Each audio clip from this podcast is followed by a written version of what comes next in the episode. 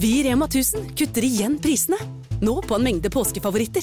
For eksempel kutter vi minst 25% på gourmetstykket fra Hatting, 150 gram bacon fra Nordfjord, rett i koppensuppe fra Toro og andre påskefavoritter. Alt dette og enda flere priskutt på minst 25% For det er sluttsummen på påskehandelen som teller. Og husk at vi fortsatt har fryst prisen på over 1000 varer. En podkast fra Podplay.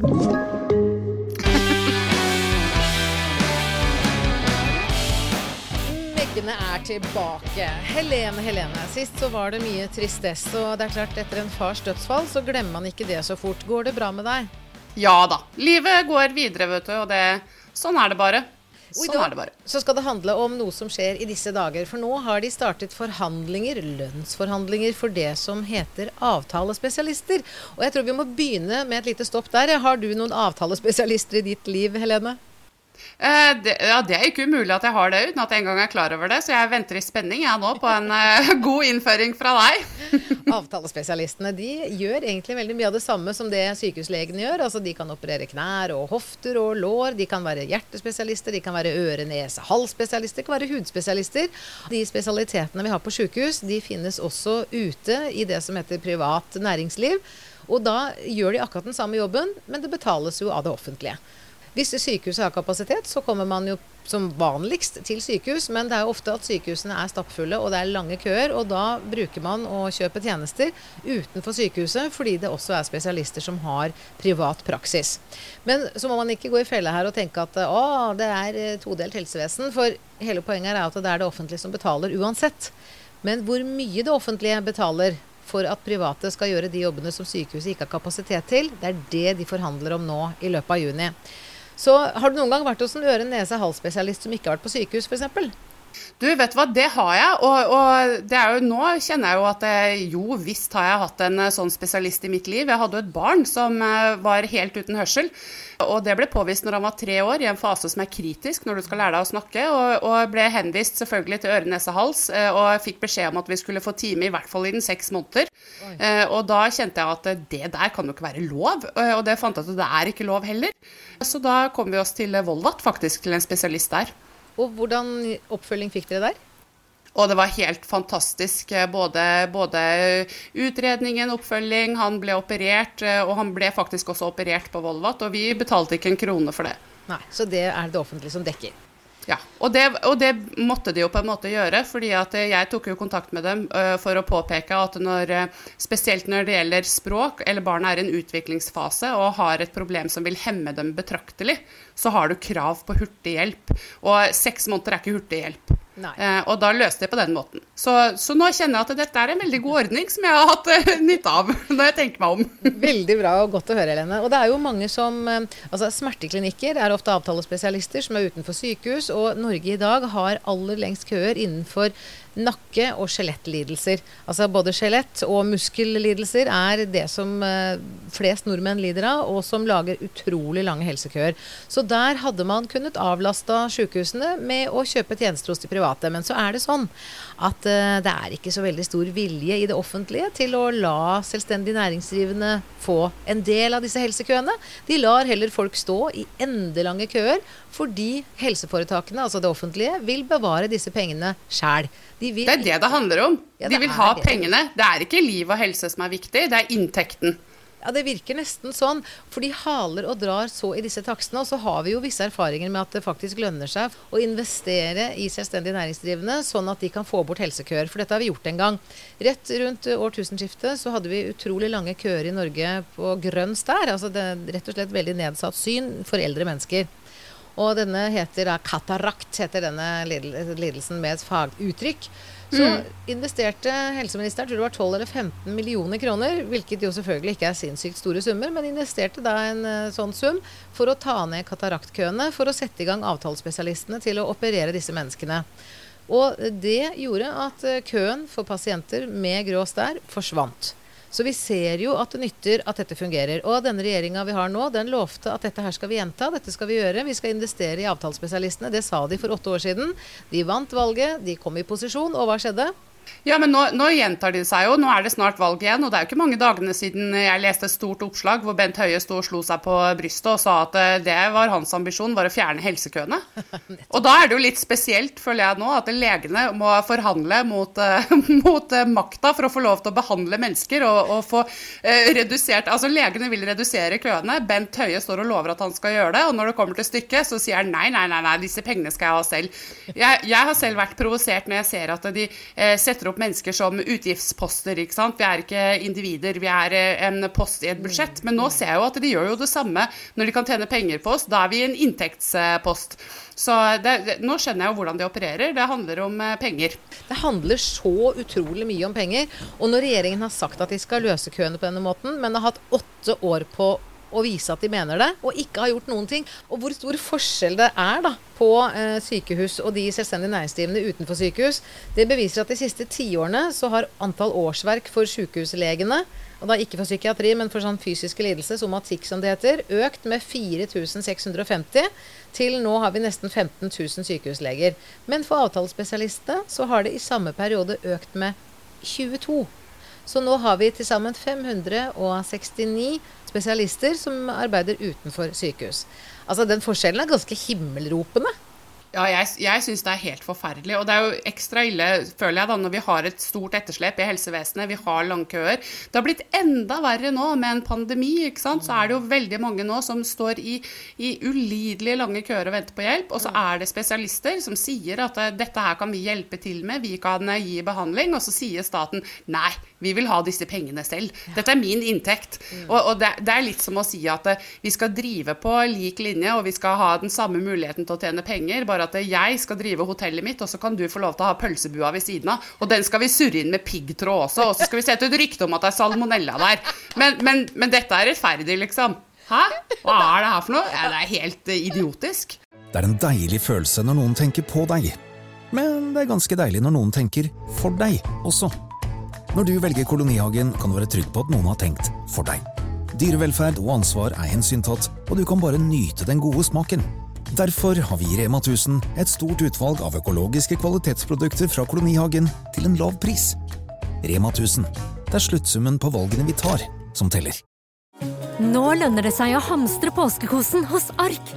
Ark inviterer nemlig til påskefest med skremmende bra nyheter, pocket fra 99 og 40% på alle spill og puslespill. Ark-påske betyr rett og slett mye påske for pengene. Så fyll opp med påskens favoritter i nærmeste Ark-butikk eller på ark.no. Du hører Helsemøgene med Helene Spro og Lise Askvik, og i dag tar vi for oss det litt vanskelige oppgjøret der avtalespesialistene stadig skvises til fordel for offentlig ansatte sykehusleger. Forhandlingene pågår ut juni, og her må du følge godt med. Så det er så enorm forskjell på hvor mye de satser på statlige egenansatte, og hvor mye de setter ut til folk som jobber da utenfor sykehus, som fremdeles er offentlig finansiert. Dette er fremdeles en del av det offentlige helsevesenet. Og så er det jo noen som tenker at ah, dette blir sånn todelt helsevesen, men vi må bare understreke at det er det de ikke gjør. Det todelte helsevesenet det er når noen får behandling og veldig mange andre ikke får behandling. Det blir todelt helsevesen. Ja, når du selv skal betale regninga, og din egen private økonomi avgjør om du får helsehjelp eller ikke, da er det todelt. Men i det, i det tilfellet her, så er det jo noe helt annet. Det, det, her ligner jo på et monopol, at de vil ha monopol på liv og helse og død. Eh, og de eh, saboterer for eh, konkurrentene, da, som er disse spesialistene som vi faktisk trenger for å kutte ned køene. Og, og det kan hende at de faktisk lager ris til egen ræv nå. Fordi jeg fikk høre i dag at når du har monopol på noe, så plikter du også å levere det du ikke har. Eh, fordi at det må du når du ikke har konkurranse, og det er et monopol. Gi meg et eksempel på det. Vinmonopolet, f.eks. Ja, Vinmonopolet. Og det ligger jo i navnet. De har monopol på, på å selge sånne alkoholvarer i Norge. Eh, hvis jeg finner en eh, artig liten eh, likør som er lagd i et fjell eh, oppe i Guatemala, og jeg har lyst på den, så plikter Vinmonopolet å gjøre det de kan for å skaffe meg den flaska. Så, så, her kan det hende at de rett og slett eh, Kanskje Kanskje vi bare skal la de kjøre på, Lise. La de få det forbanna monopolet, og så går vi og banker på døra og bestiller. Ja, hvis de virkelig hadde fått helsemonopol. Og det er viktig å understreke her at selv om vi nå snakker avtalespesialistenes sak, så er ikke det for at de avtalespesialistene som jobber utafor sykehus skal tjene seg søkk rike. Det er ikke dem Helsepartiet bekymrer seg for. Det vi ønsker er større kapasitet, sånn at flere folk, flere pasienter kan få behandling av flinke spesialister. De får det raskere, og de får det gratis av staten fordi vi alle har menneskerettigheter, og fordi vi er skattebetalere, og fordi vi er nordmenn som bor i Norge. Da har faktisk staten plikt til å skaffe oss den behandlingen vi trenger. Så vi gjør ikke dette her som noe grep for å få et todelt helsevesen. Dette er politikk fra Helsepartiet for å unngå det todelte helsevesenet. det, er, det er akkurat det det er. Ja. Og så er det én ting til jeg bare må få med, og det er at mange tenker jo at det privatpraktiserende, det private helsevesenet, todeling ikke sant? Denne debatten blir jo fort sånn at folk tror at de må betale dobbelt for helsetjenestene sine. Og i dag er det jo mange som allerede må det. Og så er det én ting man ofte glemmer å ta med i beregningen når man tror at helsefolk tjener seg styrt rike på syke mennesker. Og det er at fastlegeordningen som Norge har i dag, at 95% av Norges fastleger de er privatpraktiserende. Det er private leger som har starta sin egen klinikk, som har tatt en økonomisk risiko, og som får det dekket av staten. Det er akkurat på samme måten vi finansierer fastlegene som vi finansierer avtalespesialistene. Så Men det, er, det er jo mer altså, suspekt enn det. Nei, men det er jo ikke suspekt i det hele tatt. Og det er jo egentlig også veldig enkelt, sånn som det var f.eks. med sønnen min, da, hvor, hvor, sykehuset ikke hadde kapasitet selv. Så de kjøpte den kapasiteten av Volvat fordi at barnet skulle få behandling. Hvis sykehuset ikke hadde kjøpt den kapasiteten, da ville det vært et todelt helsevesen. For jeg ville jo sannsynligvis allikevel brukt Volvat, men da hadde jeg vært nødt til å betale av egen lomme. Så det er jo det som er den store forskjellen her, at det, det vi vil for å unngå det todelte helsevesenet, helsevesenet, det er jo at sykehuset skal kjøpe den kapasiteten og kjøpe den behandlingen for oss. Mm. Sånn at vi skal slippe å betale eh, for vår egen behandling i eh, privat eh, spesialisthelsetjeneste. Det er så enkelt. Det er derfor vi må heie på det her. Fordi at vi trenger økt kapasitet. Og, og hvor, altså hvor, disse legene befinner seg, eller hva de tjener når de utfører en behandling, det spiller ingen rolle for meg så lenge pasienten ikke må betale selv. Nettopp. Men, men, med sønnen din, Helene, så klart du måtte ha hjelp til han, så han fikk hørselen tilbake. Og du hadde sikkert tatt opp lån, du hadde solgt bilen. Du hadde vel kanskje til og med solgt både trusa og sokkene dine for å få penger til den operasjonen.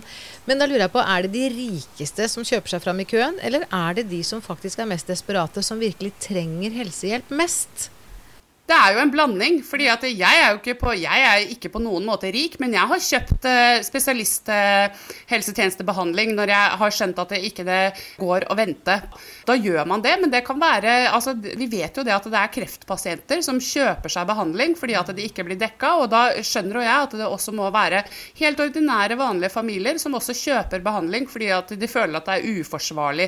Og det, og det som jeg syns er ganske underlig, er jo det at det, eh, når det gjelder akkurat det, så har vi jo kanskje bedre bedre velferd på dyr, og det er jo hyggelig at vi har det på noen områder. Men det er jo litt sånn at hvis katta di blir påkjørt og, og brekker eh, bakbeinet, så er det jo ikke sånn at vi tenker at det er litt mye å gjøre her, vi tenker at vi tar det neste uke. Alle vil jo være enige om at det er dyremishandling, det må ja. du jo ikke gjøre. Altså, man må jo få behandling med en gang. Du kan jo ikke la folk vente når de har skader eller lidelser som påfører smerte eller, eller reduserer livskvalitet. Så er det en bikkje eller en katt, så er det rett inn smukk på operasjonsbordet hos veterinæren. Mm. Er det et menneske, Hm, hvordan skal vi tjene mest penger på dette nå? Nei, du må nok vente. Du får vente i ti dager på den eh, lårhalsoperasjonen, Olga. Men, liksom. men, dette er ganske nytt, for tidligere så var vi mye flinkere til å prioritere akuttpasienter. Men nå har vi liksom begynt å sette til og med folk med brukne armer på lange ventelister. Og folk, jeg har jo hørt om folk som har gått i ukevis med brudd, og som har måttet brekke opp igjen brudd for å få det på plass. Og det er klart, dette her er jo ikke sånn at helsevesen skal styres. Nei, men det her er, du vet at det her er jo sklidd inn sammen med New Public Management. Det er jo akkurat det samme det har gjort på Nav. Du må jo for guds skyld ikke ha en reell statistikk om, om, hvor mange som faktisk er arbeidsledige i Norge. Så vi setter dem på en masse rare tiltak som ikke har noe funksjon, annet enn at man føler seg ydmyka daglig.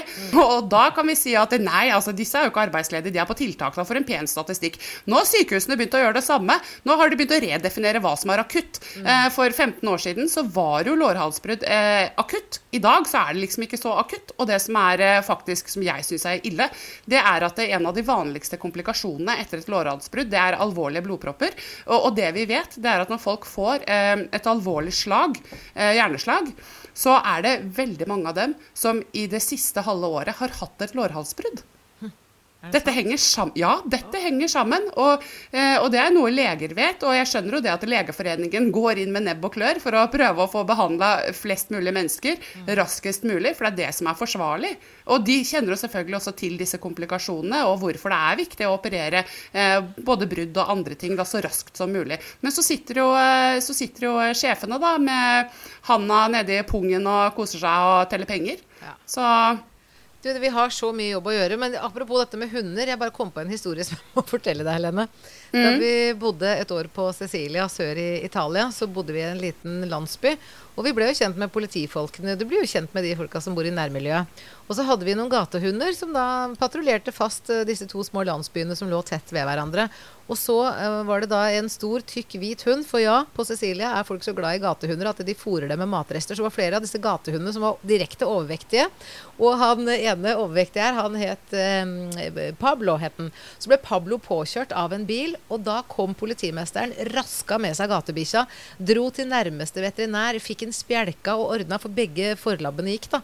Og dro Oi. med seg Pablo tilbake til politistasjonen og sørga for at Pablo lå i ro på politistasjonen i tre Åh. uker. Og så, etter tre uker, så begynte Pablo å halte forsiktig rundt kvartalet igjen. Og etter seks måneder så var Pablo i full gang igjen som lausbikkje i ja. kasirbilet. Altså, jeg blei så rørt av den historien, for jeg så dette på nært hold. For det første, i Norge så hadde ei gatebikkje fått ei kule fordi det var ei gatebikkje. Ei ja. påkjørt gatebikkje, Helene, hadde fått to ja. kuler. Hadde aldri fått kost og losji inne på politistasjonen politistasjonen og full bevoktning av politikorpset, som definitivt også gjorde jobben sin. Og mafia var det ikke veldig mye av der lenger på Sicilia, for der har de virkelig utradert mafia. Så dette var mm. politifolk som virkelig gjorde en god jobb for lokalmiljøet, både for mennesker og for dyr, og som viste nestekjærlighet for de der tjukke lausbikkjene som var helt rørende. Så hver gang jeg har vært nede eh, på Cecilia etter at vi flytta hjem i 2016, så har jeg gått og sett etter Pablo, og jeg har sett den hver gang. Men skal vi bare, da kan vi jo bare si at det Helsepartiet ønsker, eh, ønsker å jobbe for nå, det er at, eh, at, omsorgen i helsevesenet skal være minst like god som den er for løsbikkjene på Cecilia. Hvis hvis pasientene i Norge får de samme rettighetene og den samme omsorgen som lausbikkjene der, da har vi gjort en god jobb. Da har vi kommet et langt stykke, Helene. Det må være Helsepartiets nye slagord. Ja til helsehjelp på lik linje med lausbikkjene på Sicilia. Du, det sier noe at vi ikke har det, men altså, det er mulig å skape eh, Europas beste helsevesen, og det er målet vårt, og vi kommer ikke til å gi oss. Vi har potensialet til det, det er bare at vi, vi trenger bare viljen. Det er det eneste vi mangler, er viljen. Og den viljen er det demokratiet som sitter med. Så la oss håpe at den kommer, Helene. Du stiller til valg, vi lager podkast, og så får resten være opp til velgerne. Ja. Skal du noe gøy i helga? Um, nei. nei. Du skal forberede begravelse. Jeg skal ikke det. Ja. Og så er jeg jo litt sånn frynsete. Jeg, har, jeg, gjør mange rare ting for å sikkert lindre meg selv. Så jeg bestemte meg bl.a. for å kjøpe nye gardiner til stua, fordi at jeg føler at nå må jeg ha litt farge her. Mm. Eh, men jeg har et så anstrengt forhold til gardiner. Jeg blir så aggressiv. Og det er sånne Jeg har sånne vinduer du vet, med sånne, sånne riller, vet du, og så skal gardinene ha sånne klyper med sånne små, bitte små knotter som er liksom bare så vidt passer inn i det der hullet. Og du skal helst ikke ha normale menneskefingre. Du, du trenger egentlig også ha barnearbeidere, liksom, for å klare å få på de gardinene. Men da har du ikke barn, da. Jo, men du vet at jeg blir så aggressiv at det er ingen som er i stua når jeg bytter gardiner. Det, det, det har de lært. Så jeg tar én og én gardin. Jeg hang opp den siste gardinen for fire timer siden. Jeg tror kanskje jeg tar én lengde til i løpet av kvelden. Men du, har ikke du søsteren din på besøk i kveld, da? Jo, de er her. Er de det? Kan jeg si hei til søstrene? Bare hei, jenter! Vi skal henge opp de gardinene, vi. Dere er det verste, offisielt de verste groupiesene jeg har hatt noen gang. Ja, nei, funker ikke. Herlig gjeng, Helene. Og varm hilsen til dere alle sammen. Kjære jenter, det er godt at dere er sammen nå som dere har mista ja. pappa. Det er bra. Ja, det er litt humor å holde sammen. Du vet at noe av det fineste pappa gjorde i livet, det var å lage vårs. Ja, det er jeg sikker på. Godt jobba, både papsen og mamsen. Yes. Helene, takk for praten, og ha ja. en så god helg som bare mulig. Hils alle søstrene. Det skal jeg gjøre. Så prates vi. Det gjør vi. Ha det! Greit. Ha det.